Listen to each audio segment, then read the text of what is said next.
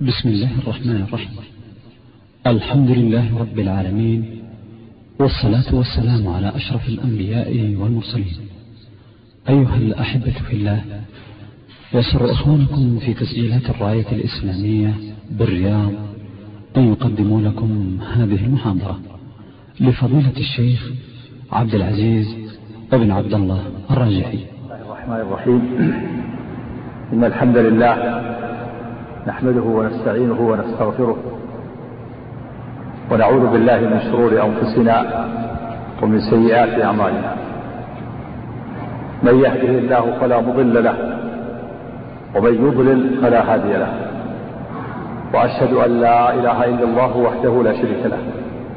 أشهد أنه بلغ الرسالة وأدى الأمانة ونصح الأمة وجاهد في الله حق جهاده.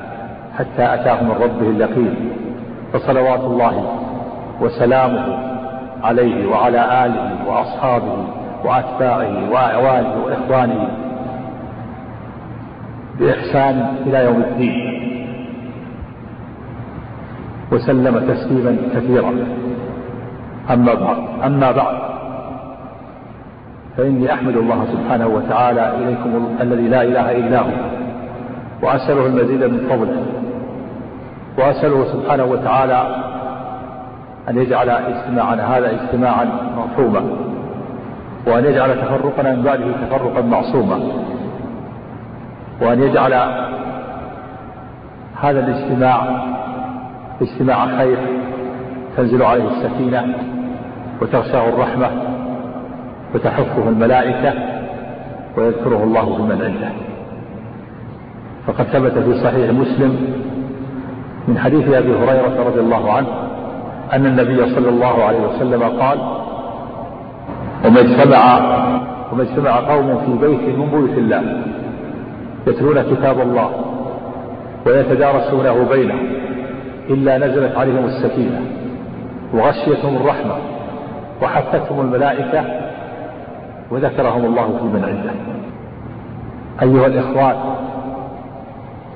إن الله سبحانه وتعالى خلق الخلق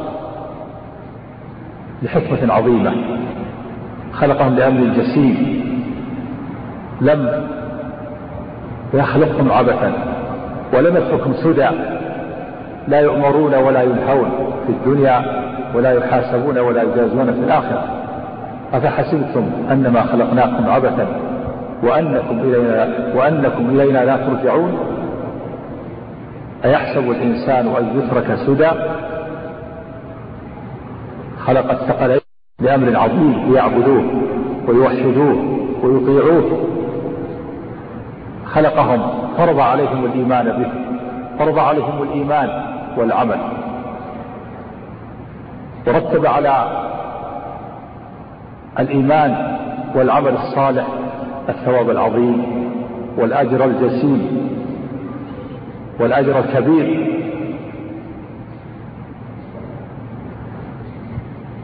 فالمؤمن الذي عمل الصالحات هو الذي يصدق الخبر هو الذي يصدق الخبر عن الله وعن رسوله صلى الله عليه وسلم وهو الذي ينفذ الأوامر. هو المصدق لأخبار الله المنفذ لأوامر الله. قال تعالى فأما من أعطى واتقى وصدق بالحسنى فسنيسره اليسرى. ومن كذب الخبر وأعرض عن الأمر فهو الكافر الذي يصلى النار التي تلظى. فأنذرتكم نارا تلظى لا يصلاها إلا الأشقى الذي كذب وتولى. فالأشقى الكافر هو الذي كذب الخبر وتولى عن الأمر. والمؤمن هو الذي هو, الذي صدق الخبر ونفذ الأمر ونفذ الأوامر. تنفيذ الأوامر هو عمل الصالحات. والإيمان هو التصديق. هذا الإيمان رتب الله عليه الثواب العظيم والأجر الجزيل. قال قال الله سبحانه وتعالى إن الذين آمنوا وعملوا الصالحات وأقاموا الصلاة وآتوا الزكاة لهم أجرهم عند ربهم ولا خوف عليهم ولا هم يحزنون. فرتب الأجر العظيم على الإيمان والعمل الصالح. والإيمان وتصديق الأخبار عن الله وعن رسوله. والعمل الصالح هو تنفيذ الأوامر. واستثنى الله سبحانه وتعالى المؤمنين الذين يعملون الصالحات من أهل الخسارة والهلاك. فقال سبحانه بسم الله الرحمن الرحيم والعصر إن الإنسان لفي خسر. إلا الذين آمنوا وعملوا الصالحات وتواصوا بالحق وتواصوا بالصبر. وقال سبحانه لقد خلقنا الإنسان في أحسن تقويم ثم رددناه أسفل سافلين. إلا الذين آمنوا وعملوا الصالحات فلهم أجر غير ممنون. ما هو هذا الإيمان؟ هذا الإيمان الذي أمر الله به المؤمنين أن يثبتوا عليه وأن يستمروا عليه وأن يستقيموا عليه حتى الممات.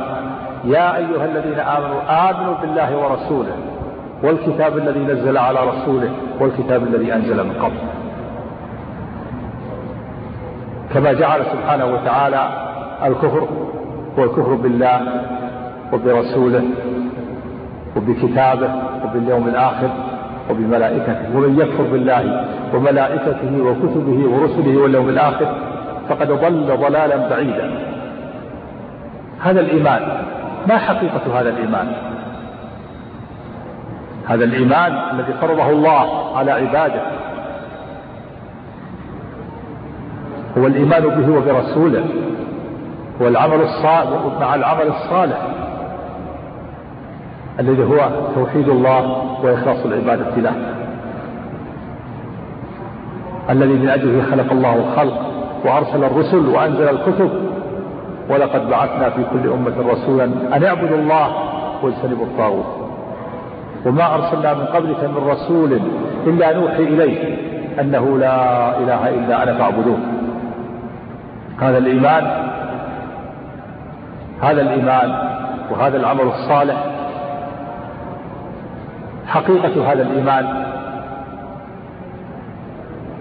حقيقة هذا هذا الإيمان الجمع بين أمرين التصديق والعمل. والتصديق يكون بالقلب وهو الإقرار الإقرار والاعتراف بالله وبأسمائه وصفاته وبألوهية وبربوبيته وبألوهيته واستحقاقه للعبادة. والأمر الثاني العمل. فالتصديق يكون بالقلب ويكون بالنطق باللسان. فاللسان ينطق ويشهد أن لا إله إلا الله ويشهد أن محمدا رسول الله والقلب يصدق ويوقن ويتيقن فالقلب عنده يقين عنده يقين من غير ريب ولا شك واللسان ينطق والجوارح تصدق وتعمل. هذا هو الإيمان. هذا هو الإيمان. تصديق الأخبار وتنفيذ الأوامر.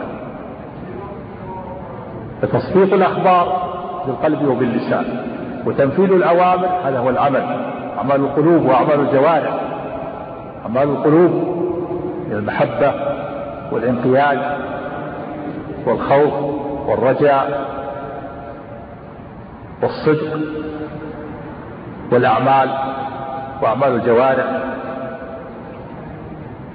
أداء الصلوات وأداء الزكاة وصوم رمضان وحج بيت الله الحرام وبر الوالدين وصلة الأرحام. والكف عما حرم الله وأعظم ما حرم الله وأغلظه الشرك بالله عز وجل. والكف عن العدوان على الناس في دمائهم وأموالهم وأعراضهم. هذا هو الإيمان الذي فرضه الله على العباد. تصديق وعمل.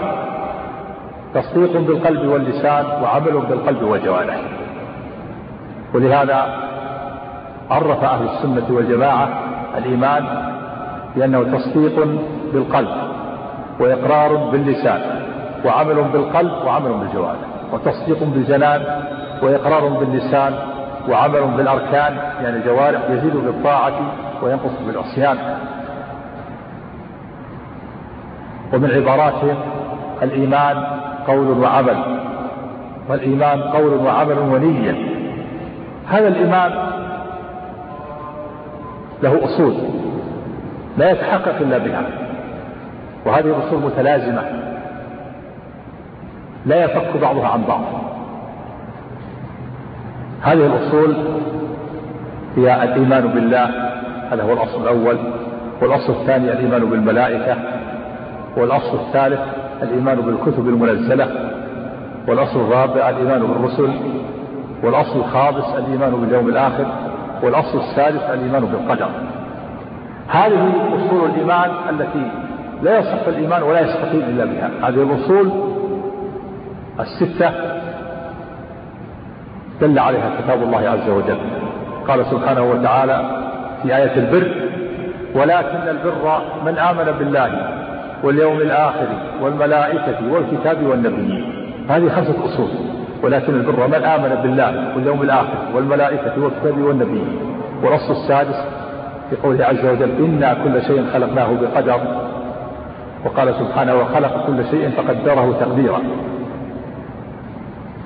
وجاء بيان هذه الأصول الستة في الحديث الصحيح في حديث جبرائيل في سؤالات للنبي صلى الله عليه وسلم الذي رواه الإمام مسلم. من حديث ابن عمر من حديث عمر رضي الله عنه مطولا وراه الإمام البخاري من حديث أبي هريرة مختصرا.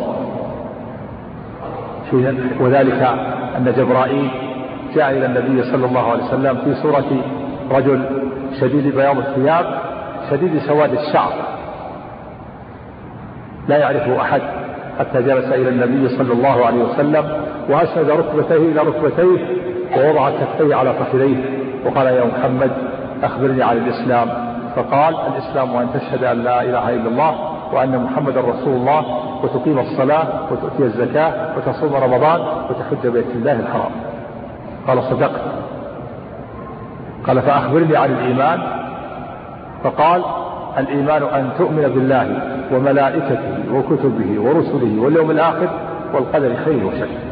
قال فأخبرني عن الإحسان. قال أن تعبد الله كأنك تراه.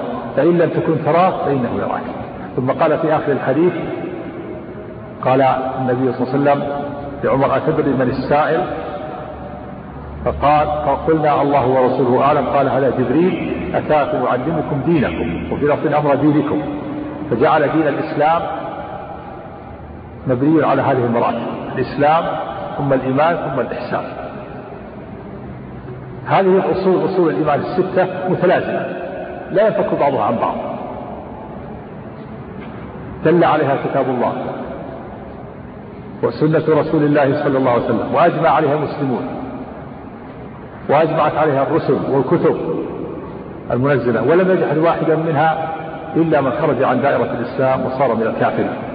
الإيمان بالله الإيمان بالملائكة الإيمان بالكتب المنزلة الإيمان بالرسل الإيمان باليوم الآخر الإيمان بالقدر خير وشر والإيمان بالله هو الإيمان بربوبيته وأنه هو الرب وغيره مربوب. الإيمان بأنه الرب وغيره مربوب وأنه الخالق وغيره مخلوق وأنه المالك وغيره المملوك وأنه مدبر وغيره مدبر. والإيمان بأفعال الرب والإيمان بأسمائه وصفاته التي أخبر بها في كتابه أو على لسان رسوله صلى الله عليه وسلم والإيمان بألوهيته ووحدانيته وأنه مستحق العبادة دون ما سواه. والإيمان بالملائكة الإيمان بالملائكة وأنهم أشخاص وذوات محسوسة وأنهم من عالم الغيب يخلقون من نور تصعد وتنزل وتذهب وترى وتجيء وتخاطب الرسول عليه الصلاة والسلام ولها أعمال ووظائف وظفها الله تعالى. ما من منهم ما منهم أحد إلا له مقام معلوم. وما من حركة وما من حركة في السماء والأرض إلا وهي ناشئة عن الملائكة باذن الله الكوني أو قدري والإيمان بالكتب المنزلة وأن الله أنزل كتبا على أنبيائه ورسله لا يعلم اسماءها وعددها إلا الله. وأعظمها الكتب المنزلة الكتب الأربعة. التوراة التي أنزلها الله على موسى والإنجيل الذي أنزله الله على عيسى والزبور الذي أنزله الله على داود وأعظمها وختمها كتاب الله العظيم القرآن الذي أنزله على نبينا وإمامنا محمد صلى الله عليه وسلم. وهناك كتب لا نعلم أسماءها لا نعلمها إلا الله نؤمن بها إجمالا. والإيمان بالرسل وأن الله أرسل أرسل إلى عباده أنبياء ورسل بهدايتهم وإنقاذهم. من الظلمات إلى النور تبليغهم دين الله وشرعه. لا بد من الإيمان بأسماء بأسماء من ذكر منهم في الكتاب والسنة. ومن لم يذكر نؤمن به إجمالا. والإيمان باليوم الآخر هو الخامس. الإيمان بالبعث بعد بعد الموت وأن الله يبعث الأجساد ويعيدها خلقا جديدا. و... وأن الأرواح تدخل في الأجساد بعد تمامها بعد تمام خلقها. والإيمان بالوقوف بين يدي الله بالحشر والنشر وتطاير الصحف والميزان والصراط والحوض والجنة والنار. والإيمان بما يكون قبل ذلك من في القبر من سؤال منكر ونكير ومن عذاب القبر ونعيمه. إلى غير ذلك مما ورد. والأصل الثالث الإيمان بالقدر وهو موضوع حديثنا هذه الليلة. الإيمان بالقدر هو الأصل السادس من أصول الإيمان. هذه الأصول الستة متلازمة لا ينفك بعضها عن بعض. من أنكر واحدا منها أو جحد واحدا منها خرج من دائرة الإسلام. والقدر هو تقدير الله سبحانه وتعالى للأشياء. القدر تقدير الله للأشياء المتضمن لعلمه وكتابته وإرادته للأشياء كلها وخلقه وإيجاده لكل مخلوق في هذا الكون. هذا القدر الذي هو أصل من أصول الدين وأصل من أصول الإيمان من أنكره وجحده خرج من دائرة الإسلام. فلا بد للمسلم في صحة إيمانه من الإيمان بالقدر.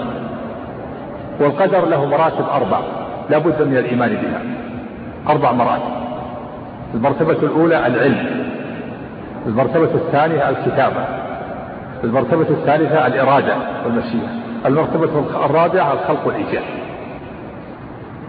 هذه المراتب الأربع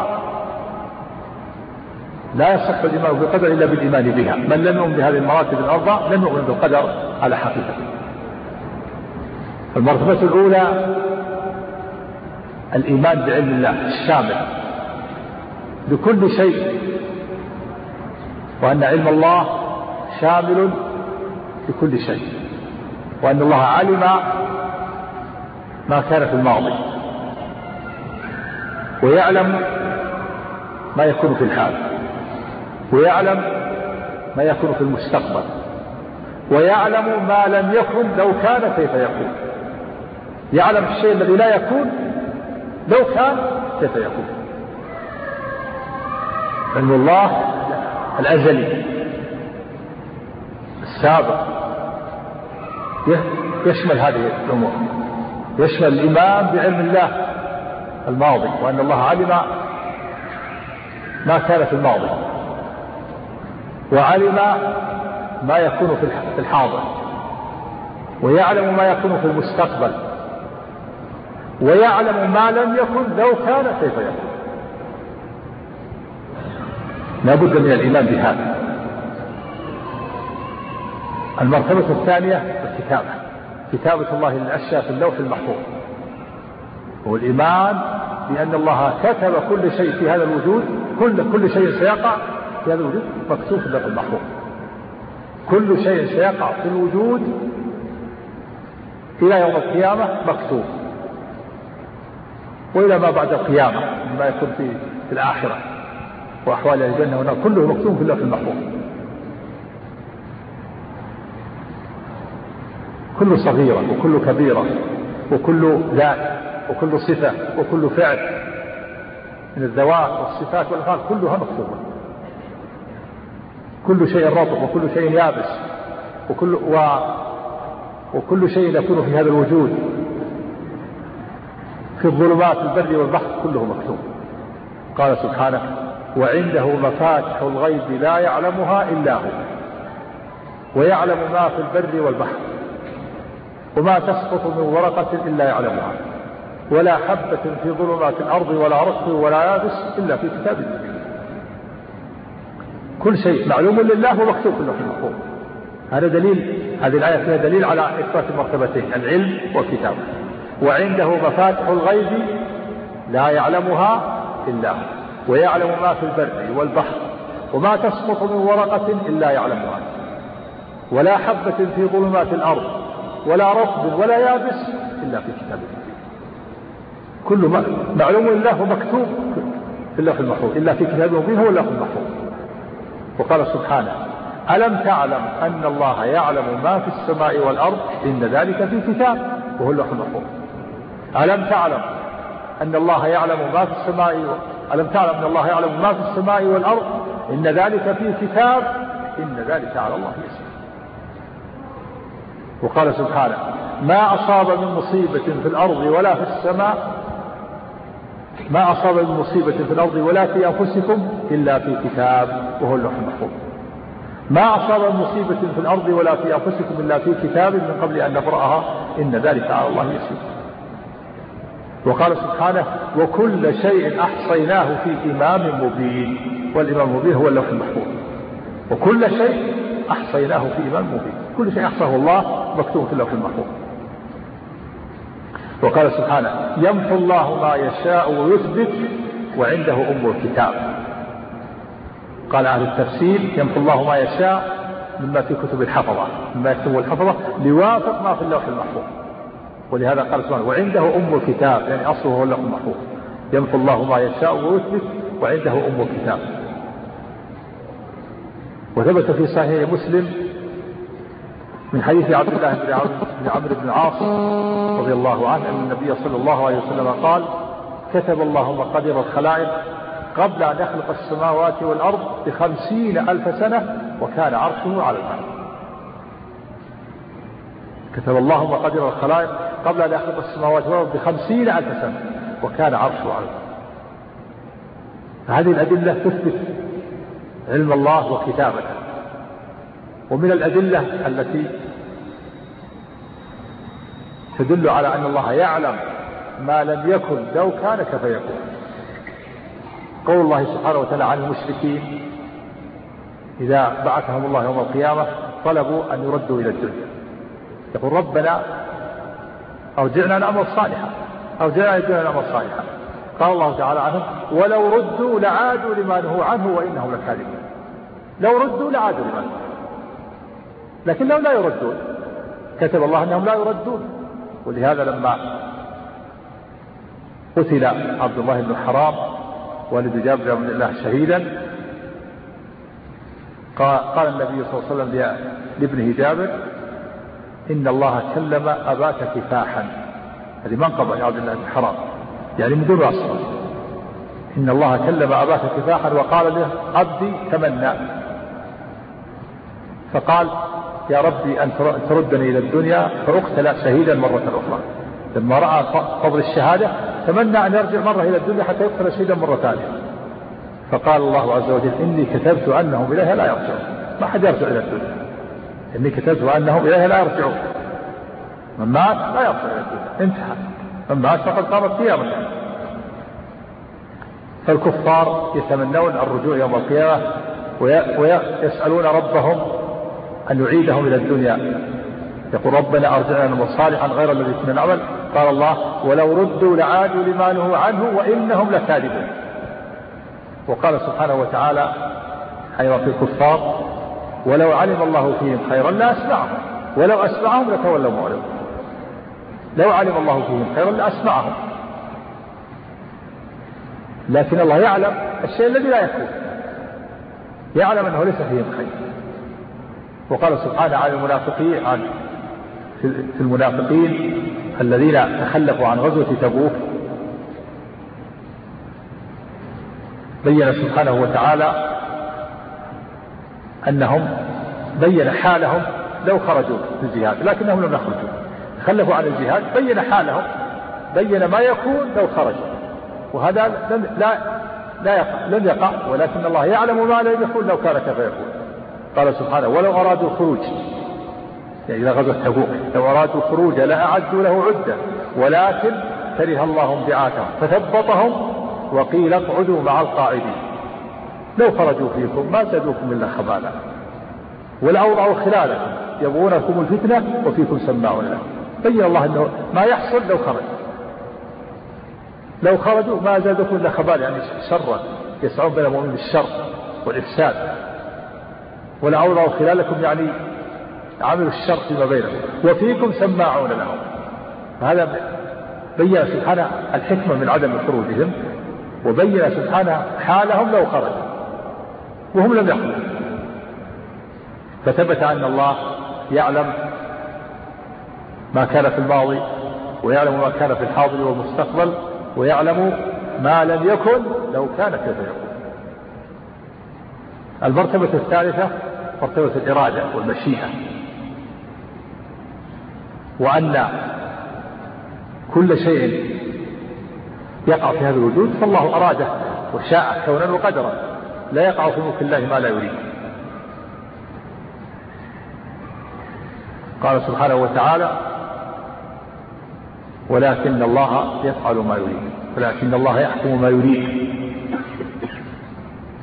فما أراد سبحانه وتعالى فإنه فإنه ما أراد ما وقع في هذا الكون فالله أراد إيجاده ولكن الله يفعل ما يريد. و وما شاء الله كان وما لم يشأ لم يكن. إن الله يحكم ما يريد. فكل شيء يقع في هذا الوجود لا يقع إلا بإرادة ومشيئة لله. لا يقع في الله ما لا يريد. فلا بد من إثبات الإرادة والمشيئة. وما تشاءون إلا أن يشاء الله. إن الله كان عليما حكيما.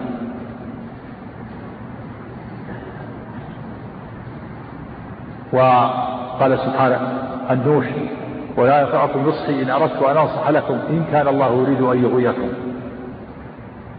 وقال سبحانه وتعالى فمن يريد الله أن يهديه يشرح صدره الإسلام ومن يريد أن يضله يجعل صدره ضيقا حرجا كأنما يصعد في السماء. فلا يقع في الله إلا وقد سبق بذلك إرادة وقد سبق لا يقع في الله. وفي هذا الوجود شيء إلا وقد أراد الله إيجاده. والمرتبة الرابعة مرتبة الخلق والإيجاد. كل شيء في هذا الوجود الله خلقه. من الذوات والصفات والأفعال. فالله تعالى هو الخالق لكل شيء في هذا الوجود. الله خالق كل شيء. قال سبحانه الله خالق كل شيء وهو على كل شيء وكيل. وقال سبحانه وخلق كل شيء فقدره تقديرا.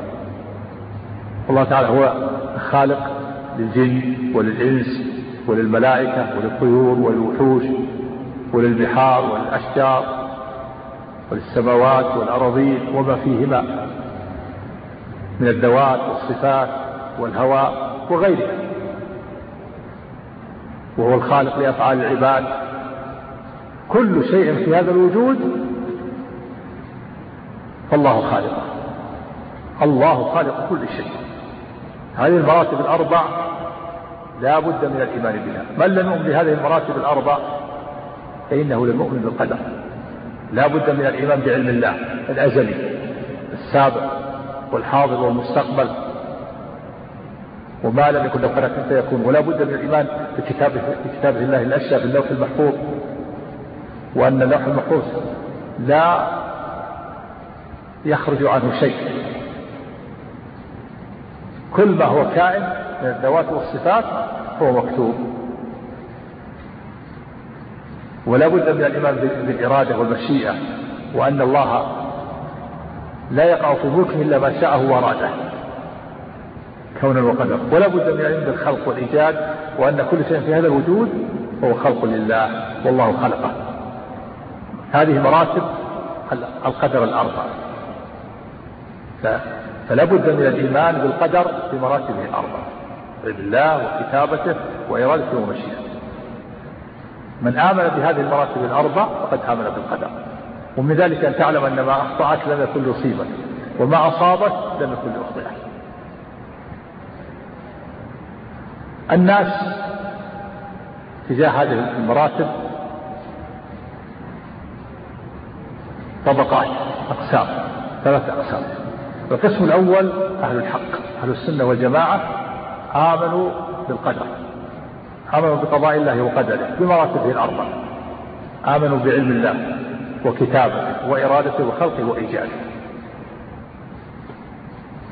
الطائفة الثانية من الناس آمنوا بالمرتبة آه، أنكروا المرتبتين الأوليين. وهما علم الله وكتابته للأشياء وهم القدرية الأولى الذين خرجوا في أواخر عهد الصحابة. طائفة القدرية الغلاة. أنكروا علم الله وكتابته للأشياء وقالوا إن الأمر إن إن الله لا لا يعلم الشيء حتى يقع لا يعلم الأشياء حتى تقع. فإذا وقعت علم بها. فالأمر مستأنف وجديد عندهم. وهؤلاء ظهروا في أواخر عهد الصحابة. ظهروا في البصرة. وهم ناس يطلبون العلم ولكنهم ولكنهم اعتقدوا هذا الاعتقاد الفاسد. فأنكر ذلك عليهم بعض العلماء والذين يتعلمون على الصحابة كحميد الطويل الطويل ويحيى بن يعمر أنكروا وقالوا وسألوا الصحابة عن حالهم. فخرج يحيى بن يعمر وحميد الطويل حاجين يوم الحمرين وقالوا لو وفق لنا أحد من أصحاب رسول الله صلى الله عليه وسلم فسألناه عن هؤلاء. قالوا فوفق لنا عبد الله بن عمر. قال حميد الطويل فاكترفته أنا وصاحبي وظننت أنه سيكل الكلام إلي فقلت له أبا عبد الرحمن إنه ظهر قبلنا يعني في البصرة أناس يتقفرون العلم يعني يطلبون العلم ويزعمون أن الأمر أنف. يعني مستأنف وجديد ما سبق به علم الله. الأمر جديد ما يعلم الله بالأشياء حتى تقع ويعلمون أن الأمر أنف. فقال أبو عبد الرحمن عبد الله بن عمر رضي الله عنه لهما. إذا لقيتما هؤلاء أو إذا لقيت حميد الطويل هؤلاء فأخبرهم أني منهم بريء وأنهم براء مني. والذي يحسب ابن عمر بيده لو أنفق أحدهم مثل أحد ذهبا ما قبله الله منه حتى يؤمن بالقدر خيره وشره. ثم روى عن أبيه عمر بن الخطاب رضي الله عنه أن النبي صلى الله عليه وسلم كان جالسا فجاءه رجل شديد بياض الثياب شديد سواد الشعر وهو جبرائيل وأسند ركبتيه إلى ركبتيه ووضع كفيه على فخذه وسأل عن الإسلام فأخبر بأركانه الخمسة وسأل ثم سأل عن الإيمان فأخبر بأركان الإيمان الستة. فابن عمر حكم على هؤلاء بالكفر. الذي لا لا تقبل أعمال لا تقبل أعماله هو كافر. قال الله تعالى وما منعهم أن تقبل منهم نفقاتهم إلا أنهم كفروا بالله وبرسوله. وقال سبحانه إنما ومن يكفر بالإيمان فقد حبط عمله وهو في الآخرة من الخاسرين. فالكفر هو الذي يحبط العمل. فدل على أن هؤلاء الكفار الذين أنكروا علم الله وكتابه لأنهم نسبوا الله إلى الجهل. من أنكر علم الله وصف الله بالجهل. يقول لا يعلم في الأشياء حتى تقع. إذا هذا هذا والعياذ بالله. وصف لله بالجهل. وهذا كفر وردة. ولهذا قال الإمام الشافعي رحمه الله وغيره من الأئمة في هؤلاء الذين أنكروا علم الله وكتابته للأشياء ناظروا القدرية بالعلم. ناظروا القدرية بالعلم. فإن أقروا به خصموا وإن أنكروه كفروا. ناظر القدرية بالعلم يقول يعني يقول هل تنكرون هل تثبتون علم الله أو تنكرون؟ هل هل الله يعلم بأفعال العباد؟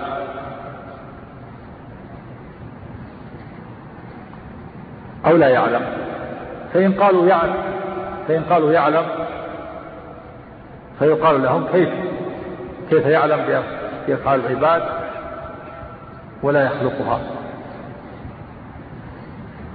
كيف يعلم شيئا ولا يقدر على خلقه. وإن أنكروا العلم كفروا. إن أنكروا العلم كفروا لأنه نسأل الله جل وإن أقروا بالعلم فصلوا لأن الذي يعلم كيف يعلم؟ وهو لا يقدر على خلقه على خلق الأشياء.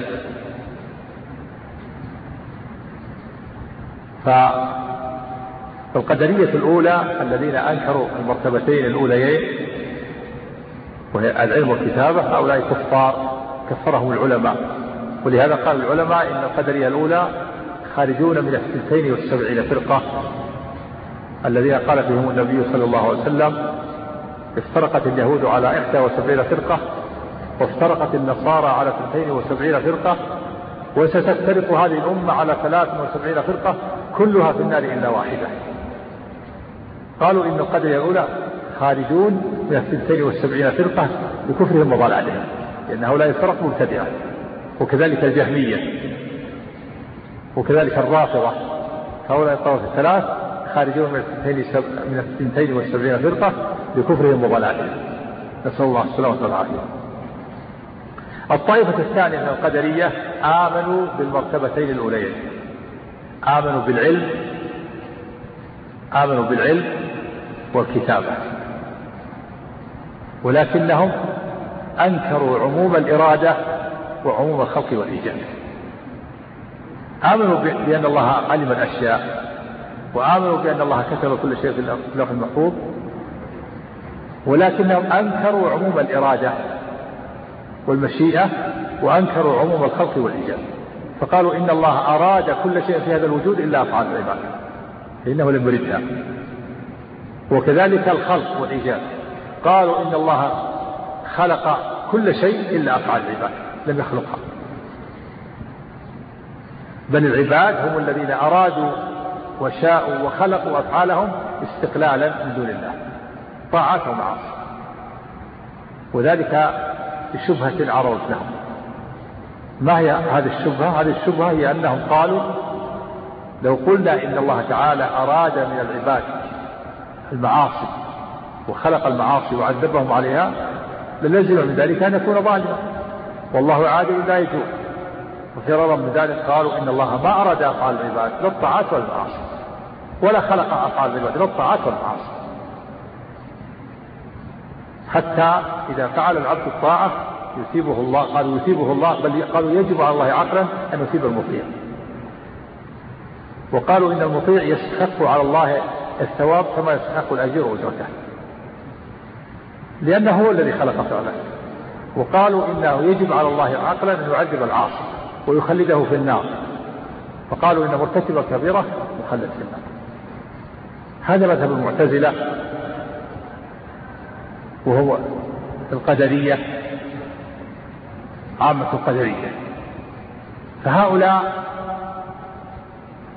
مبتدئة عند أهل العلم. وإنكارهم لعموم المشيئة وعموم الخلق والإيجاد لأجل الشبهة التي حصلت لهم لأنهم متأولون وليسوا جاحدين وفرق بين المتأول والجاحد. فالجاحد يكفر لكن المتأول له شبهة. لا يكفر وإنما يبدع. فهؤلاء صاروا مبتدعة. فصار القدرية طائفتان. الطائفة الأولى القدرية الأولى الذين أنكروا المرتبتين الأوليين العلم والكتابة هؤلاء كفار. كفرهم الصحابة كفرهم الأئمة قال فيهم الإمام الشافعي رحمه الله ناظر القدرية بالعلم فإن أقروا به خصموا وإن أنكروا كفروا. والطائفة والطائفة الثانية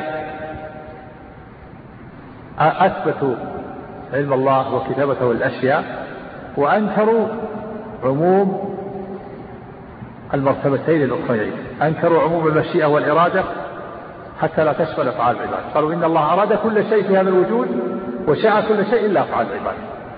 وأنكروا عموم الخلق والإيجاد فقالوا إن الله خلق كل شيء في هذا الوجود من الذوات والصفات إلا أفعال العباد. فإنهم خلقوها بأنفسهم استقلالا. لهذه الشبهة التي حصلت لهم. وهدى الله أهل السنة والجماعة.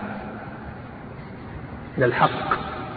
فقالوا إن الله خلق أفعال العباد خلق كل شيء وشاء كل شيء في هذا الوجود. وأما الشبهة التي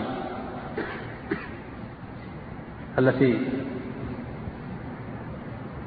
اشتبهت على هؤلاء القدرية فيجاب عنها بأن الله سبحانه وتعالى بأن الله سبحانه وتعالى له الحكمة البالغة. وقد أعطى الإنسان القدرة على على الفعل ومكنه من الفعل. فعنده قدرة وعنده استطاعة. ولهذا فإن المستطيع فإن العاجز لا يكلف. فالذي لا يقدر على الصلاة قائما يصلي قاعدا والذي لا يقدر على الصلاة قاعدا يصلي على جنب. كما في هذه عمران حصين صلي قائما فإن لم فإن لم تستطع فقاعدا فإن لم تستطع فعلى جنب فإذا كان الإنسان مكلف قادر وعنده استطاعة ويقدر على الفعل فإنه مكلف بالفعل. فالإنسان كل إنسان يدرك هذا. يستطيع الإنسان الذهاب والإياب والجلوس. لا أحد يمنعه. تستطيع أن تجلس في المسجد وتستطيع أن تخرج. لا أحد يمنعك فالله تعالى أقدر أعطى الإنسان القدرة على الفعل. فهو فهو الذي فعل الطاعات هو الذي فعل المعاصي مختارا. فلهذا يثيبه الله على الطاعات ويعاقبه على المعاصي. وهناك طائفة أخرى من القدرية يقال لهم الجبرية. قابلوا القدرية النفاة فالقدرية النفاة يقولون إن العباد هم الذين خلقوا أفعالهم من الطاعات والمعاصي وهم الذين شاءوها والله تعالى لم يخلقها ولم يردها ولم يشاءها قابلهم الطائفة الثانية وهم الجبرية يسمون القدرية المجبرة. فقالوا إن جميع الأفعال هي أفعال الله والعبد مجبور على أفعاله. ليس له قدرة ولا اختيار. فحركاته كلها اضطرارية كلها اضطرارية كحركة المرتعش وحركة النائم وكنبض العروق وحركات الأشجار حينما تهب تهب بها الرياح. فقالوا إن العبد مجبور على أفعاله. لا قدرة له ولا اختيار. واحتجوا بالقدر. وصاروا وأعرضوا عن الأمر والنهي. أعرضوا عن الشرع وعن الأوامر والنواهي واحتجوا بالقدر. فسموا بالقدرية المشركية الذين شابهوا المشركين في احتجاجهم على شركهم بالقدر. قال الله تعالى عن المشركين فقالوا لو شاء الله ما أشركنا ولا آباؤنا ولا حرمنا من دونه من شيء. كذلك كذب الذين من قبلهم حتى ذاقوا بأسنا فهؤلاء القدرية الجبرية نظروا إلى القدر ولم ينظروا إلى الشر. نظروا إلى القدر وأغمضوا أعينهم عن الشر. فإذا فعل أحدهم المعصية عذر نفسه وقال أنا مجبور هذا مقدر عليه. ويقول أحدهم إذا قيل له أنت عصيت أمر الله الشرعي؟ قال أنا إن عصيت أمر الله الشرعي فقد وافقت أمر, أمر الله الكوني القدر. هذا ينظر إلى القدر ويعرض عن الشر. فيقول الأفعال أفعال العبد هي أفعال الله هو المصلي والصائم. والعبد وعاء. وعاء للأفعال التي يفعلها الله فيه. أما القدرية النفاة فهم على على طرف هم مع هؤلاء على طرف نقيض. القدرية النفاة يقولون العباد هم الذين خلقوا أفعالهم. وأوجدوها مستقلين منفردين عن الله. والله تعالى لم يجدها ولم يقدر عليها. ولا شاءها ولا أرادها. فصار فصار كل واحد يخلق فعل نفسه عندهم. فقالوا العباد خالقين لأفعالهم. فشابهوا المجوس. الذين مجوس عباد النار. الذين قالوا إن هذا الكون له خالقان خالق للخير وهو النور وخالق للشر وهو الظلمة المجوس قالوا بتعدد الخالق قالوا العالم له خالقان خالق للخير وخالق للشر. هؤلاء كفروا. هؤلاء القدرية شابهوا المجوس في القول بتعدد الخالق ولهذا يسمون القدرية المجوسية. وجاء فيهم أحاديث في السنن وإن كان رفعها ضعيف إلا أنها إلا أن وقفها على الصحابة صحيح. منها حديث القدرية مجوس هذه الأمة. إن مرضوا فلا تعودوهم وإن ماتوا فلا تشهدوهم. فيسمون القدرية المجوسية لأنهم شابهوا الخالق لأنهم شابهوا المجوس في القول بتعدد الخالق. فالمجوس قالوا إن العالم له خالقان والقدرية قالوا إن كل أحد يخلق فعل نفسه فقالوا بتعدد الخالق. وإن كانوا يقولون ذلك في أفعال العباد. فسموا القدرية المجوسية. فالقدرية المجوسية يعظمون الأوامر والنواهي والشريعة. ويقولون إن العبد مكلف ومأمور ومنهي وهو ويقدر على الفعل بل هو الذي يخلق فعل نفسه. وهو ويقدر على الفعل بل هو الذي يخلق فعل نفسه. فعظموا الشرائع عظموا الشريعة وعظموا الأوامر والنواهي. وإن كانوا غلطوا وأخطأوا في القول بأن العبد يخلق فعل نفسه وأن الله لا يخلق أفعال العباد. هذا غلط. يخالف النصوص. الله هو الخالق للذوات والصفات والأفعال. قال الله تعالى والله خلقكم وما تعملون. أما القدرية المشركية وهم الجبرية فإنهم على عكس هؤلاء. فإنهم أعرضوا عن الشر. وأعرضوا عن الأوامر والنواهي ونظروا إلى القدر. فقالوا العبد مجبور على أفعاله والأفعال هي أفعال الله. وإذا عصى أو فعل معصية فإنهم يعذرون أنفسهم ويقولون إن الله قدرها ويعرضون عن الشر. و... وإذا نظرنا إلى هاتين الطائفتين وهما القدرية المجوسية والقدرية المشركية نجد أن القدرية المجوسية الذين هم النفاة القدرية النفاة الذين يقولون إن العباد خالقون لأفعالهم أقرب إلى الحق من القدرية المشركية. لأن القدرية النفاة عظموا الشرائع وعظموا الأوامر والنواهي وأوجبوا وأوجبوا على العبد فعل الأوامر وترك النواهي فهم معظمون للشرائع الشرائع للأوامر والنواهي معظمون للشريعة وإن كانوا غلطوا وأخطأوا في القول بأن الله تعالى لم يقدر أفعال العباد ولم يخلقها أما القدرية المشركية وهم الجبرية قدرة له ولا اختيار له ولا فعل له وأفعاله كلها اضطرارية فالفاعل هو الله في الحقيقة والعبد وعاء ومحل للأفعال. فلذلك يقول أحدهم أنا إن عصيت أمر الله الديني الشرعي فقد وافقت أمره الكوني القدري. ويقول قائلهم في سبه لله نعوذ بالله إن الله تعالى حينما يأمر العبد وينهاه الشريعة ويقدر عليه غيره إنما يقدر عليه شيئا لا يستطيعه. ومثله في ذلك مثل من؟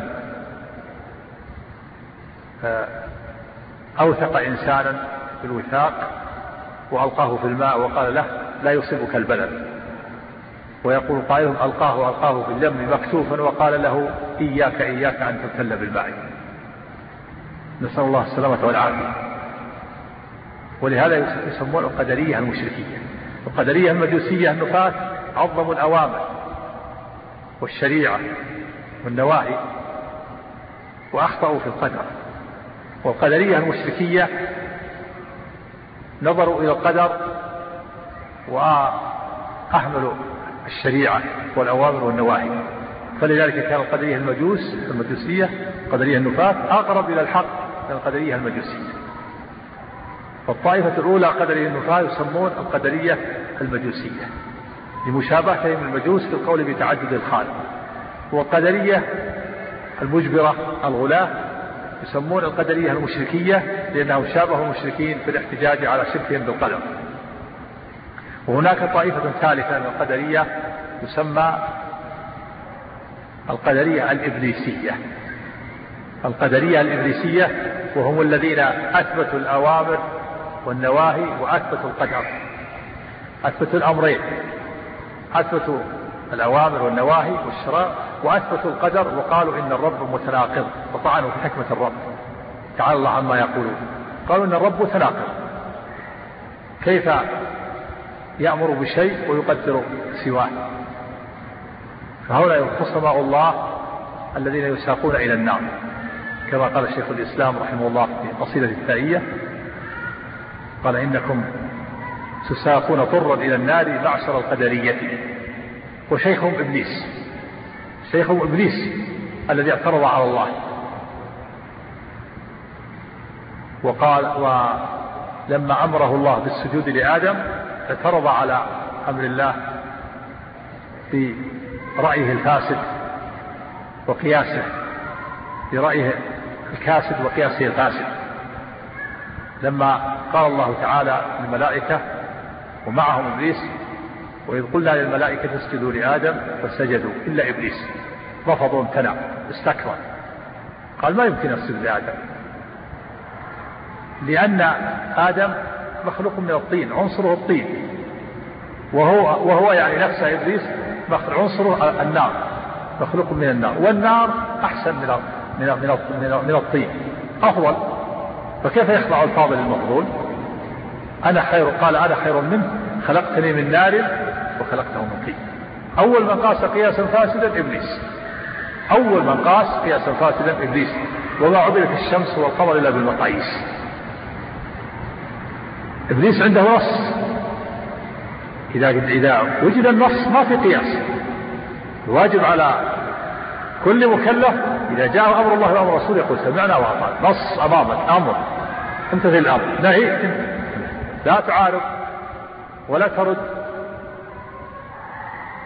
ولهذا قال العلماء القياس في مقابلة النص قياس فاسد.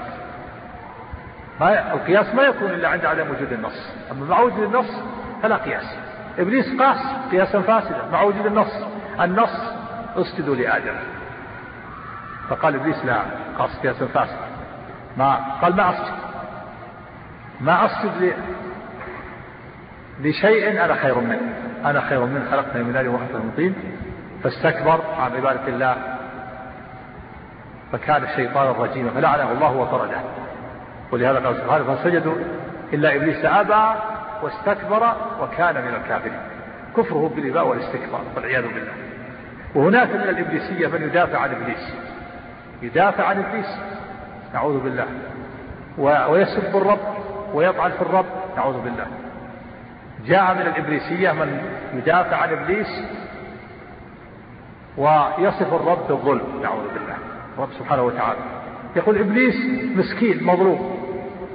إبليس مسكين مظلوم. مظلوم من قبل الله. أراد أن ينزه جبهته عن السجود لغيره فطرد ولعن. ما ذنبه؟ مسكين. مسكين مظلوم. أراد أن لا يصل إلا له فطرد ولعن. هؤلاء القدرية خصماء الله الذين يساقون إلى النار. نسأل الله السلامة والعافية. فهذه الطوائف الثلاث في القدر القدرية المجوسية والقدرية المشركية والقدرية الإبليسية. والقدرية المجوسية هم القدرية النفاة الذين نفوا القدر وقالوا إن الله ما قدر أفعال العباد والقدرية المجبرة والقدرية المشركية هم القدرية المجبرة الذين قالوا إن العبد مجبور على أفعاله هؤلاء كل من هؤلاء ضل على الصراط المستقيم.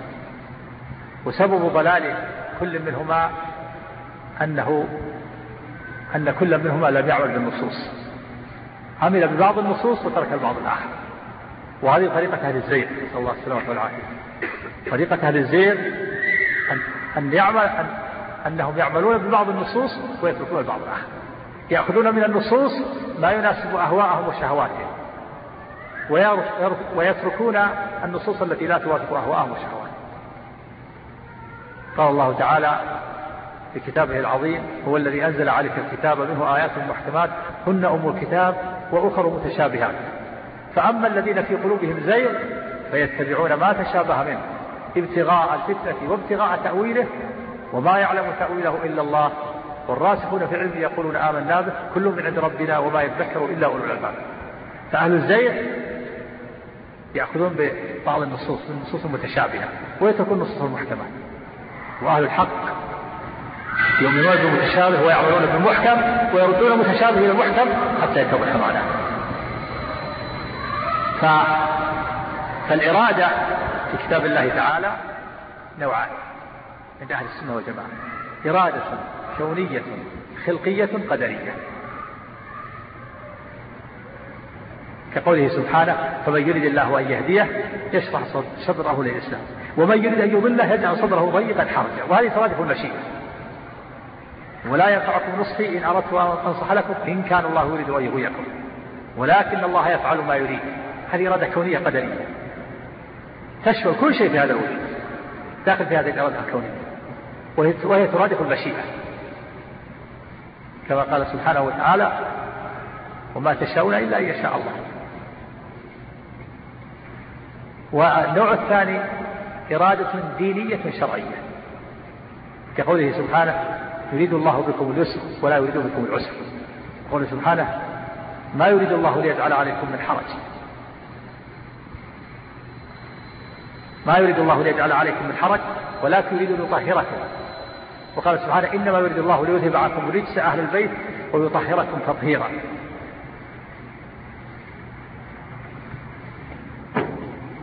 فهذه الإرادة الدينية الشرعية. فالإرادة في كتاب الله نوعان. وفي قوله تعالى يريد الله ليبين لكم. ويهديكم سنن الذين من قبلكم ويتوب عليكم. والله عليم حكيم. والله يريد أن يتوب عليكم ويريد الذين يتبعون الشهوات أن تميلوا ميل العظيم. هذه إرادة دينية شرعية فالإرادة في كتاب الله وسنة رسوله صلى الله عليه وسلم إرادتان. إرادة قدرية وإرادة شرعية. أهل, أهل لم يؤمنوا بالإرادتين. فالقدرية النفاة وهم القدرية المجوسية آمنوا أثبتوا الإرادة الدينية. وأغمضوا أعينهم عن الإرادة الكونية. ما آمنوا بالإرادة الكونية. واحتجوا بالنصوص التي فيها الإرادة الدينية. احتجوا بهذه الآيات يريد الله بكم اليسر ولا يريد بكم العسر. ما جعل ما جعل عليكم في الدين من حرج ولكن يريد أن يطهركم. يريد الله أن يتوب عليكم ويريد الذين يتبعون الشهوات أن تميلوا ميل عظيم قالوا هذه هذه هذه الأدلة دليل على أن الإرادة دينيه شرعية. ولكنهم اغمضوا أعينهم عن النصوص التي تثبت الإرادة الكونية فصاروا من أهل الزين لا يعملون إلا ببعض النصوص جاء الجبرية وهم مشركية فأثبتوا الإرادة الكونية وأغمضوا عليهم عن الإرادة الدينية. قالوا الإرادة لا تكون إلا كونية. واحتجوا بقوله تعالى فمن يريد الله أن يهديه يشرح صدره الإسلام ومن يريد أن يضله يجعل صدره ضيقا حرجا كأنما يصعد في السماء ولكن الله يفعل ما يريد. ولا ينفعكم نصحي إن أردت أن أنصح لكم إن كان الله يريد أن ينكركم وأغمضوا أعينهم عن النصوص التي تثبت الإرادة الدينية الشرعية. فصار القدرية النفاة يثبتون الإرادة الدينية بالنصوص التي دلت عليها وينكرون الإرادة الكونية. وصار القدرية الجبرية يثبتون الإرادة الكونية وينكرون الإرادة الدينية الشرعية. وهدى الله أهل الحق وهم السنة والجماعة فأثبتوا الإرادة الكونية وأثبتوا الإرادة الدينية. واستدلوا بالإرادة الكونية القدرية على بطلان مذهب القضية النفاة وصفعوا بها وجوههم فأبطلوا مذهبهم. وأخذوا النصوص التي تثبت الإرادة الدينية الشرعية وصفعوا بها وجوه القدرية الجبرية وأبطلوا مذهبهم. تعارض فتساقط فبطل مذهب الجبرية بالأدلة التي استدل بها القدرية النفاة وبطل مذهب القدرية النفاة بالأدلة التي استدل بها الجبرية. تعارض فتساقط وهدى الله أهل الحق. فأثبتوا الإرادة من الجانبين. أخذوا أدلة الجبرية وأثبتوا بها الإرادة الكونية. وأخذوا أدلة القدرية النفاة وأثبتوا بها الإرادة الدينية. فخرج مذهب أهل السنة والجماعة من بين فرق ودم لبنا خالصا سائغا للشارع. و من ضلال المعتزلة والقدرية الذي بنى عليه مذهبهم مسألة الهدى والضلال وقولهم بوجوب فعل الأصلح على الله يجيبون على الله أن يفعل الأصلح.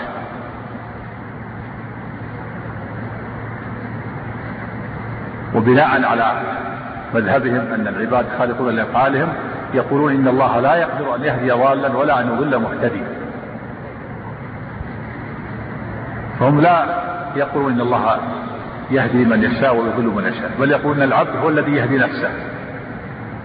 وال والضال هو الذي يضل نفسه.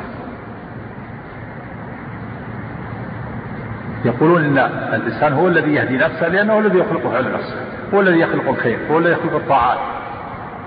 والضال الكافر هو الذي يخلق الضلال فهو فهو الذي فالمطيع هو الذي يهدي نفسه والضال هو الذي يضل نفسه. وأما قول الله تعالى يهدي من يشاء ويضل من يشاء قالوا يهدي يعني يسميه يسميه مهتديا ويضل يعني يسميه ضالا أو يحكم عليه بالضلال بعد خلقه للضلال.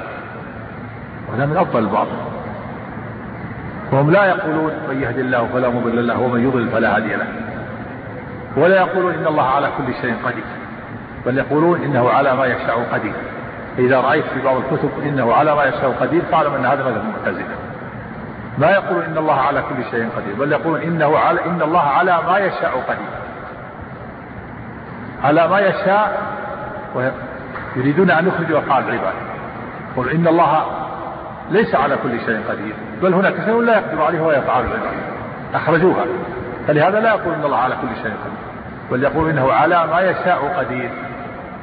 وهذا من أفضل الباطل النصوص في كتاب الله وسنة رسوله بين الله بأنه على كل شيء قدير. كل شيء كل شيء في هذا الوجود الله يقدر عليه من الذوات والصفات والأفعال. وأما قوله تعالى وهو على جمعه إذا يشاء قدير فلا مقيد بالجمع فالعبد هو فالله تعالى يهدي من يشاء لحكمته. فضلا منه وإحسان يمن عليه بالهداية. ويضل من يشاء عدلا منه وحكمة فالله تعالى له نعمة دينية خص بها المطيع دون العاصي فضلا منه وإحسان كما قال سبحانه وتعالى ولكن الله حبب إليكم الإيمان وزينه في قلوبكم وكره إليكم الكفر والفسوق والعصيان أولئك هم الراشدون. فضلا من الله ونعمة والله عليم حكيم. هذا فضل من الله ونعمة خاصة بها المؤمن. وخذل العاصي بحكمة خذل العاصي فأضله لأن الله تعالى عليم بالمحل الذي يصلح لغرس الكرامة فيهديه. وعليم بالمحل الذي لا يصلح فيضله له الحكمة البالغة. لا يسأل عما يفعل بكمال حكمته وهم يسألون.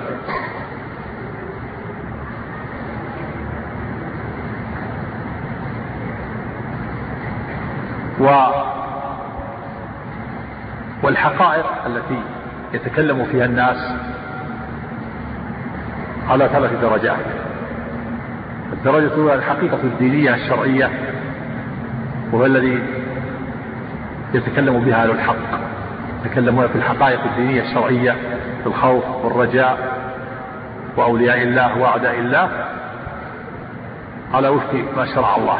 فيوالون في الله ويعادون في الله ويخافون الله ويرجونه ويخلصون أعمالهم لله.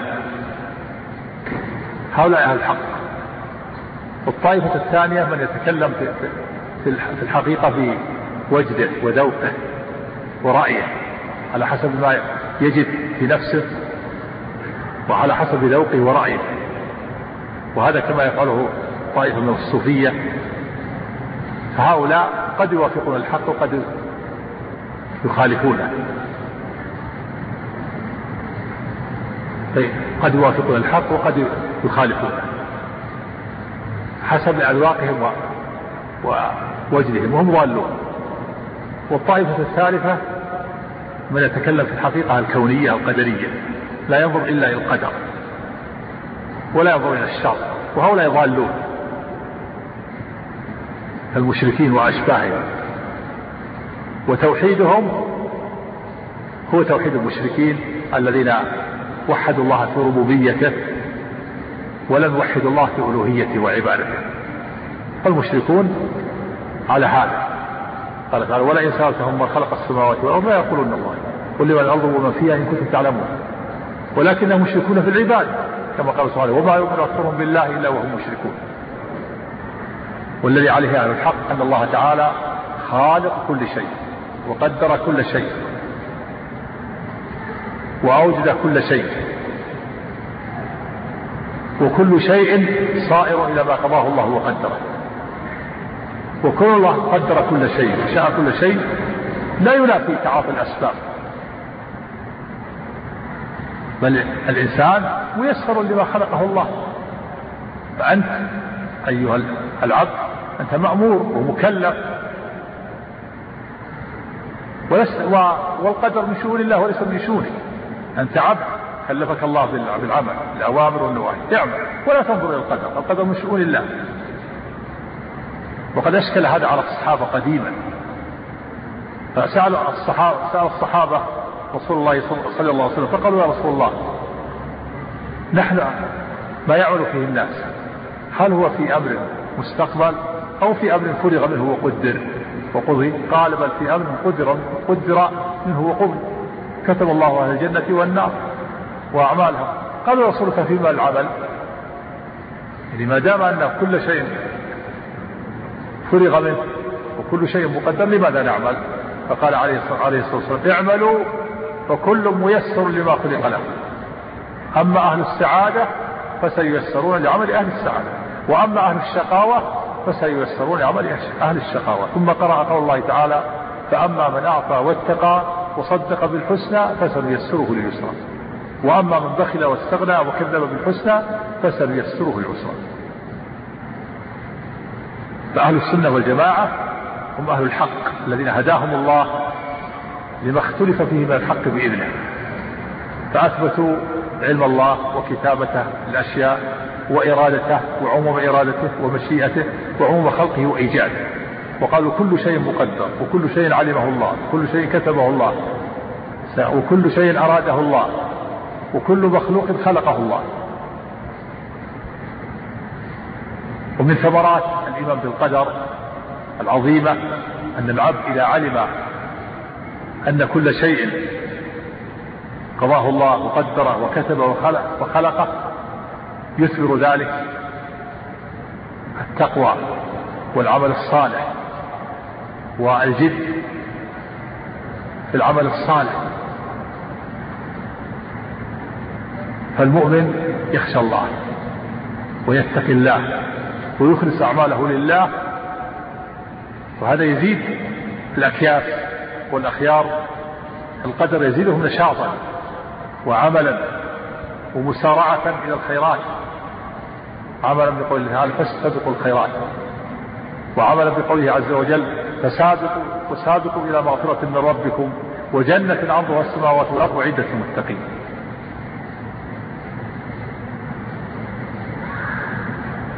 فأهل الحق يسارعون إلى الخيرات ويفردون الله بالخشية والتقوى والرهبة. قال سبحانه فلا تخشوا الناس واخشوا وقال سبحانه وإياي فارهبون. وقال سبحانه وإياي فاتقون. والتقوى إذا أطلق فيها جمع الدين اتقون بالتوحيد وإخلاص العبادة وأداء الواجبات وترك المحرمات والاستقامة على دين الله. والوقوف عند حدود الله. هذه التقوى. التقوى أن تعمل بطاعة الله. على نور من الله ترجو ثواب الله. وأن تترك معصية الله. على نور من الله تخشى عقاب الله. قال سبحانه يا أيها الذين آمنوا اتقوا الله حق تقاته ولا تموتن إلا وأنتم مسلمون. قال بعض السلف تقوى الله حق تقاته أن يطاع فلا يحصى. أن يطاع فلا يعصى وأن يذكر فلا ينسى. وأن يشكر فلا يكفر. المؤمن الذي يؤمن بقضاء الله وقدره هو الذي يزداد نشاطا ومسابقة إلى الخيرات وتنافسا مع عباد الله المؤمنين ويفرد الله بالخشية والتقوى والرهبة والخوف والرجاء يسير إلى الله بالخوف والرجاء والمحبة. يعبد الله بالمحبة وبالخوف والرجاء. ويكون الخوف والرجاء في سيره إلى الله كجناحي الطائر. إن استقام جناحاه تم طيرانه. وإن سقط جناحاه صار الطائر في عداد الهلاك والموت. كذلك العبد يسير إلى الله بالمحبة والخوف والرجاء يسير الله بين الخوف والرجاء. إذا نظر إلى ذنوبه إذا نظر إلى ذنوبه وتقصيره خاف. لكن هذا الخوف لا يحمله على سوء الظن بالله والقنوط من يأس الله لأنه يرجو يمنعه الرجاء من سوء الظن بالله ومن القنوط. وهو يرجو ثواب الله ومغفرته وبره سبحانه وتعالى رجاء لا يحمله على استرسال على الاسترسال في المعاصي. وعدم خوف مغبتها وشرها لأنه يخاف. هو يخاف ويرجو. يخاف خوفا لا يحمله على سوء الظن بالله والتشاؤم والقنوط واليأس لأنه يرجو. ويرجو رجاء لا يحمله على الاسترسال في المعاصي لأنه يخاف. هكذا المؤمن. نسأل الله سبحانه وتعالى أن يجعلنا وإياكم من المؤمنين المتقين ومن الخائفين الراجين. من الذين يعبدون الله بالخوف والرجاء والمحبة. نسأله سبحانه وتعالى أن يثبتنا على دينه وأن يهدينا الصراط المستقيم وأن لا يزيغ قلوبنا بعد إذ هدانا وأن يهدينا لما اختلف فيه من الحق بإذنه. إنه ولي ذلك والقادر عليه وصلى الله وسلم وبارك على عبد الله ورسوله نبينا محمد وعلى آله وأصحابه والتابعين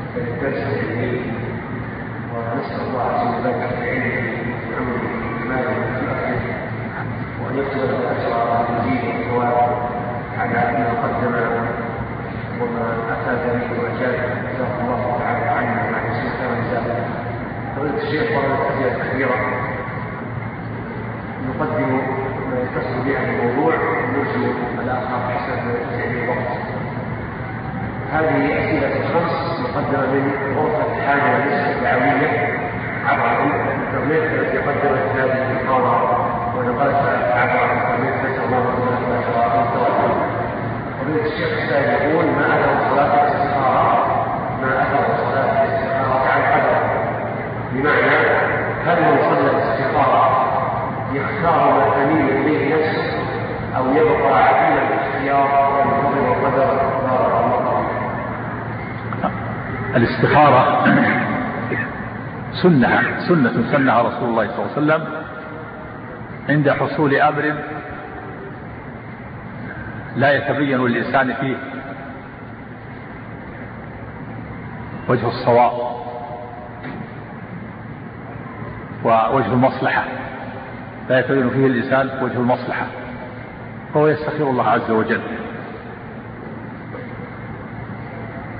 كما جاء في الحديث الصحيح أنه يصلي ركعتين بنية الاستخارة في غير وقت النهي فإذا سلم دعا بهذا الدعاء.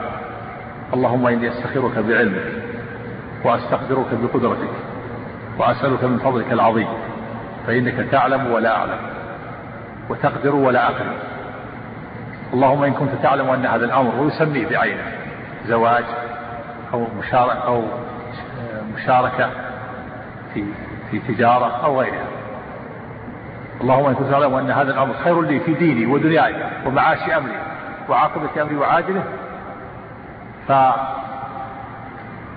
فاقدره لي ويسره لي ثم بارك لي فيه. وإن كنت تعلم أن هذا الأمر شر لي في ديني ودنياي وعاقبة أبي وعاجله فاصرف عني واصرفني عنه. واقدر واقدر واقدر لي الخير حيث كان ثم رضني به. هذه الاستخارة في الأمور التي المشكلة اللي فيها يعني لم يتبين فيها وجه المصلحة. أما الأمور الواضحة ليس فيها استخارة. مثل صلاة الجماعة ما يستخير الإنسان هل يصلي الجماعة ولا يصلي هذا أمر واجب. كذلك ما يستخير الإنسان هل يزكي ولا ما يزكي. ما في استخارة. هذا وهل يحج أو لا يحج. إلا إذا كان الطريق بعيد ويخشى ويخشى من الطريق يستخير هل هل يحج هذا العام. لكن الأمور المشكلة مثل يتزوج امرأة يناسب قبيلة يستخير ما يتبين له. مثلا يريد أن آه، يشارك إنسان في تجارة يستخير هكذا. ويكرر الاستخارة. إذا لم يتبين له شيء يكرر الاستخارة. ويستشير أيضا. كان أهل الجاهلية يستقسمون بالأزلام يستقسمون بالأزلام. فإذا أراد أحدهم كذلك إذا أراد سفر يستخير كان أهل الجاهلية إذا أرادهم سفرا أو زواجا استقسم بالأزلام. عندهم ثلاث آه ثلاث أشياء قداح يجيلونها. مكتوب على أحد يفعل ومكتوب على الثاني لا تفعل والثالث غفر. فإذا أراد أن يسافر أو يتزوج جال الأقداح. فإن خرج الذي يقول افعل مضى. وإن خرج الذي يقول لا تفعل خرج. وإن خرج الثالث أو غفل أجالها حتى يخرج أحد الأمرين. ف... فأبدل الله المسلم لما جاء الإسلام حرم الاستقسام بالأزلام وأبدلهم بالاستخارة والقرعة والاستشارة. القرعة في الأشياء المتناسبة الأشياء المتماثلة أو المتقاربة فيها القرحة القرعة وهي السهم. اشترى جماعة مثلا أكواب من الفاكهة أو غيرها متساوية ولا ولا يعلم وهي متساوية يجعلون قرعة سهم يجعل هذا السهم لفلان وهذا فلان وهذا لفلان. يعطونها يعطونها شخص آخر ما رآهم ويضع هذا على هذا وعلى هذا وكل واحد يأخذ ما اتفق عليه. هذه القرعة. وكذلك الاستشارة يستشير أهل الخبرة. وكذلك أيضا الاستخارة يكررها ويمضي لمن شرح صدره شرح إليه صدره. بعد ذلك إذا شرح صدره لأحد الأمرين مضى إليه. وهو في هذه لا يخالف القدر. فلا بد أن يوافق القدر. الله تعالى ييسره بما قدره. اعملوا فكل ميسر لما خلق له. فالاستخارة ما تنافي القدر. مشيئة مشيئة التي اختارها هذا على مشيئة الله كما قال عز وجل وما تشاءون إلا أن يشاء الله رب العالمين وقال سبحانه وما تشاءون إلا أن يشاء الله إن الله كان عليما فالشيء الذي يشرح إليه صدرك وتميل إليه وتريد فعله ثم تفعله هذا هو هو الذي قدره الله. نعلم ذلك إذا وقع. فالاستخارة ما تخرج عن القدر الشيء لأنها الشيء الذي ينشرح صدرك إليه وتفعله أو تتركه. هذا هو الذي قدره الله. فأنت في هذا ميسر لما قدره الله. وداخل في قوله عز وجل فأما من أعطى واتقى وصدق بالحسنى فسنيسره اليسرى وفي قوله عليه الصلاة والسلام اعملوا فكل ميسر لما خلق له. نعم. السائل يقول هل الشكوى لله والتشكي للغير من أجل التخفيف يعارض إيمان القدر؟ وما هو الحد الفاصل بين إيمان القدر والتذمر؟ بارك الله الشكوى إلى الله لا تنافي القدر. الشكوى إلى الله يشكو إلى الله. هذا لا ينافي القدر وليس ممنوعا. قال الله تعالى عن نبيه يعقوب إنما أشكو بثي وحزني إلى الله. وأعلم من الله ما لا تعلم والشكوى إلى الله لا تنافي وكذلك أيضا الشكوى إلى المخلوق إذا أراد بها آه، الإخبار. ولم يقصد الشكوى إنما أراد الإخبار عن حاله. حينما سأله حينما يسأل يسأل أخبر عن حاله من باب الإخبار. أو سأله الطبيب فأخبره عن حاله لأجل العلاج. فهذا لا ينافي.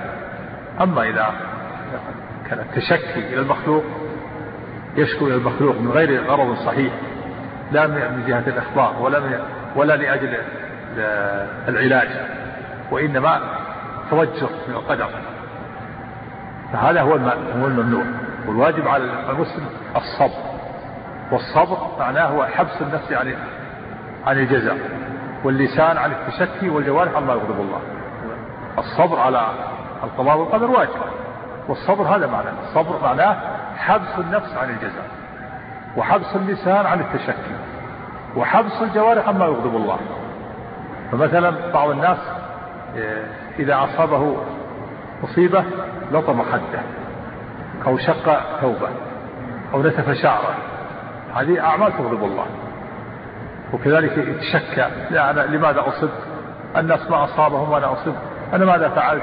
ما ذنبي؟ هذا الشك وكذا أو نفسه تجزع بجزع وهلع. هذا واجب.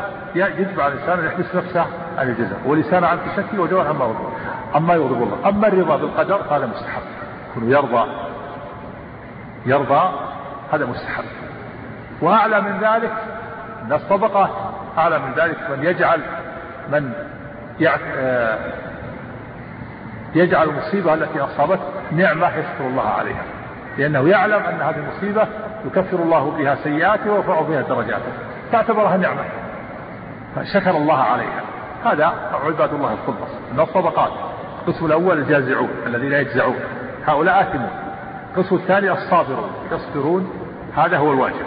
والقسم الثالث يصبر المصيبة ويرضى بها. هذا مستحب. والقسم الرابع يصبر على المصيبة ويرضى بها ويشكر الله عليها لأنه اعتبرها نعمة لما فيها من تكفير السيئات ورفع الدرجات. هؤلاء عباد الله الخلص وقليل معهم نعم. الشيخ بعض الناس عن العمل ويقول هذا هو القدر ويقول إن الله قدر علي المعصيه وقدر علي على الهدايه فما هي الأدلة السهلة للرد على هؤلاء؟ نعم أما القعود على الكسب فتعاطي الأسباب لا ينافي لا ينافي القدر لأن الأسباب غير القدر الله تعالى قدر السبب والمسبب. فكون الإنسان يقعد على الكسب عن العمل هذا هذه الشبهة قديمة. قد استشكل الصحابة رضوان الله عليهم كما سمعتم في الحديث ان أن الصحابة قالوا يا رسول الله ما يكدح الناس فيه. هل هو في شيء مضى وفرغ منه أو في شيء استقبل؟ قال بل في شيء مضى وفرغ منه. قالوا يا رسول الله فيما العمل؟ فقال عليه الصلاة والسلام اعملوا اعملوا فكل ميسر لما خلق له. أما أهل السعادة فسيسرون لعمل السعادة وأما أهل الشقاوة فسيسرون لعمل الشقاوة. والعمل والأسباب نوعان أسباب دنيوية يكسب الرزق يطلب الرزق له ولأولاده هذا ما ينافي القدر بل هو من من القدر. فأنت اعمل وتوكل على الله ولا ينافي التوكل. اعمل وتوكل على الله في طلب الرزق. وكذلك العمل للآخرة اعمل بطاعة الله وارجع و... و... وبعد ذلك ترجو ثواب الله ترجو النتيجة. وحد الله وأخلص له العبادة وامتثل الأوامر واجتنب النواهي ثم ترجو ثواب الله والجنة. وكذلك الأعمال الدنيا اكسب اكسب الرزق وتوكل على الله. وقال قال عليه الصلاة والسلام في الحديث الصحيح لو أنكم تتوكلون على الله حق توكله لرزقكم كما يرزق الطير. تغدو حماصا وتروح بطانا الطير الطير, الطير الآن هل تجلس في أوكارها أو تذهب؟ ما تجلس في أوكارها في الصباح تذهب لطلب الرزق. تغدو خماصة خماصة يعني ظاهرة البطون جائعة. وتروح في المساء بطانا ممتلئة البطون تكسب إذا تعمل. الطير تعمل. ما تجلس في أوكارها تذهب تطلب الرزق. ييسر الله لها الرزق. تأكل حبوب تجد. فتمتلئ بطونها وترجع بطانة فكذلك الإنسان. الإنسان مأمور بالكسب. اكسب اعمل ولهذا قال إن السماء لا تمطر ذهبا ولا فضة وأظن أثر روي عن عمر أو غيره أنه قال اعملوا السماء لا تمطر ذهبا ولا فضة تجلس في بيتك وتقول يأتينا الرزق؟ لا. اعمل اكدح. الحمد لله أعطاك الله القدرة. الكسب صحيح نشيط قوي. تستطيع الذهاب والإياب. وكذلك من احتج بالقدر وقال المعاصي مقدرة عليه سبق الكلام فيه لا كلمة أقول إن هذا مذهب الجبرية مذهب يسمى القدرية المشركية الذي يحتجون بالقدر ولا ينظرون إلى الأوامر والشر. نقول أنت مكلف. القدر من شؤون الله ليس من شؤونك. ما تعلم ما في القدر. ما تعلم ما قدر الله. هذا من شؤون الله. أنت عبد مأمور مكلف. خلقك الله لعبادته وتوحيده وطاعته. امتثل الأمر واجتنب النواهي أمرك الله بالصلاة إذا أذن المؤذن قم صل. أمرك الله بأداء الزكاة أدي زكاة مالك. أمرك الله ببر الوالدين بصلة الرحم. اعمل. في أحد ماسك يديك ما تتحرك. الحمد لله. ما. مستطيع. عندك عقل وعندك سمع وعندك بصر. تستطيع الذهاب والإياب. ما الذي يمنعك؟ قم واعمل. فإذا وقف إنسان وقال أنا لا أعمل هذا دليل على شقاوة. وهذا شابه المشركين. والله تعالى يكلف العبد إذا كان عنده قدرة واستطاعة كما قلت. والعاجز لا يكلف. والناس يدركون هذا. وضرب العلماء العلماء مثلا للإنسان الذي عنده عبيد. عنده عبيد. فإذا كان عنده عبد يبصر وكاتب يأمر اكتب اكتب كذا شكل كذا. وإذا كان عنده عبد أعمى ما يأمره بالكتاب ولا يأمره بالتشكيل لأن هذا عاجز وهذا قاتل. فكذلك والله سبحانه وتعالى العاجز لا لا يكلف. ولهذا العاجز المريض لا يكلف بالقيام صل قائما فإن لم تستطع فإن لم تستطع فقائما فإن لم تستطع فإن لم تستطع فعلى فعلى جنب. ولا يجوز الإنسان أن يحتج بالقدر ولا نشبه المشركين. أنت عبد مأمور مخلوق لعبادة الله ولا تدري عن القدر. ما تدري ما ما كتبه الله. هذا من شؤون الله ليس من شؤونك. من شؤونك امتثال الأوامر والنواهي. وأنت ما دمت قادر مستطيع صحيح سليم الأعضاء والحواس. ما الذي يمنعك من العمل؟ أنت الآن في أمورك الدنيوية ما تستطيع أن تحتج بالقدر. يعني تقول تعمل المعصية تزني وتسرق تقول مقدر على الزنا والسرقة. فهل تستطيع أن تطلب بهذا في أمورك الدنيوية؟ لو جاء إنسان وصفعك تسكت أو ما تسكت؟ وأخذ مالك وقطع يدك تسكت ولا تشتكي؟ ولا تطالب بحقه طالب بحقه هل قدري هذا اللي يقول المعصية مقدر؟ لو جاء إنسان وأخذ ماله. يسكت ولا أو أو يطالب بماله؟ يطالب. لماذا يعمل؟ لماذا لا يسكت؟ يقول هذا مقدر. هذا يقول مقدر. السارق الذي سرق ماله يقول قدر الله عليه يسرق ماله. تسكت. لا تعارضه هذا مقدر ان يسرق ماله هل يسكت ولا ما يسكت؟ ما يسكت. إذا لماذا يحتج على القدر بالمعصية ولا يحتج على القدر بأموره الدنيوية؟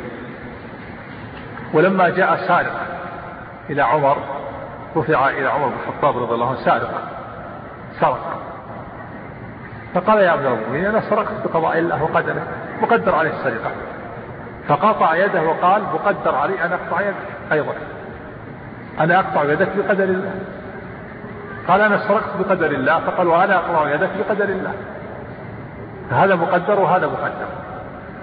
المقصود أن الذين يحتجون بالقدر لا يطردون هذا في في كل شيء. يحتجون بالقدر في أمور الدين وفي أمورهم الخاصة لا يحتجون بالقدر. لو جاء إنسان وضرب وأخذ ماله وقطع وجرح وضربه لابد أن يطالب بحقه ولا يسكت. فلماذا يحتج بالقدر؟ في إذا فعل المعاصي ولا يحتج على القدر في أموره الخاصة إذا أخذ شيء من ماله أو جرح جسده أو اعتدي على أهله وولده. نعم.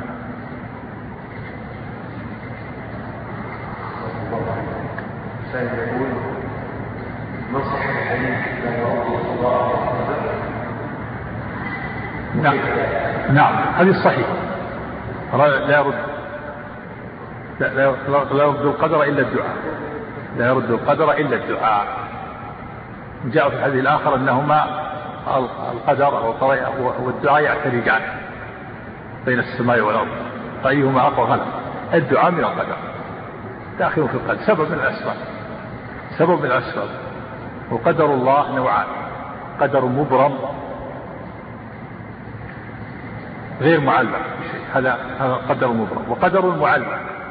فالقدر المبرم مثل ما قال في النبي صلى الله عليه وسلم في الحديث الصحيح وإن ربي قال يا محمد إذا قضيت قضاء فإنه لا يرد. هذا القضاء المبرم الذي لم يعلق بشيء. لا بد من نفوذه. والثاني القدر المعلق بالأسباب. هذا لا يحصل إلا بالسبب والمسبب. مثل قدر الله المؤمن أن يدخل الجنة في التوحيد والطاعة. لا بد من الأمرين يعمل السبب ثم يدخل الجنة. قدر الله على الكافر أنه يدخل النار بالشرك. لا بد من الشرك. لا بد يفعل الشرك ثم يدخل النار. قدر الله على هذا المريض أن يشفى بالدعاء بدعائه أو دعاء غيره أو بالرقية الشرعية. فهذا فلا بد من الأمرين. لا بد من الأمرين. والأمران مقدرة. السبب والمسبب داخلان في القدر. فلا بد أن يدعو الله لا بد أن يدعو الله وثم يحصل القدر. فهذا الدعاء مقدر. و والمقضي مقدر. لا بد من الأمرين. مثلا الرحم صلة الرحم. قدر الله أن هذا يقول عمره بصلة الرحم. صلة الرحم تزيد في العمر لا بد يفعل الأمرين يصل رحمة ويقول عمره لا بد أن يفعل السبب ومسبب. والسبب والمسبب كلاهما مقدر. نعم.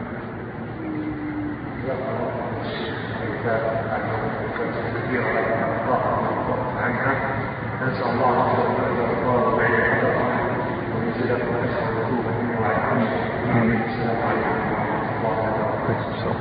وفق الله الجميع ثبت الله الجميع الهدى وصلى الله على محمد وآله وصحبه وسلم. جزا الله فضيلة الشيخ خير الجزاء وجعلنا الله وإياكم ممن يستمعون القول فيتبعون أحسنه. وتقبلوا تحيات إخوانكم في تسجيلات الراية الإسلامية بالرياض. والسلام عليكم ورحمة الله وبركاته.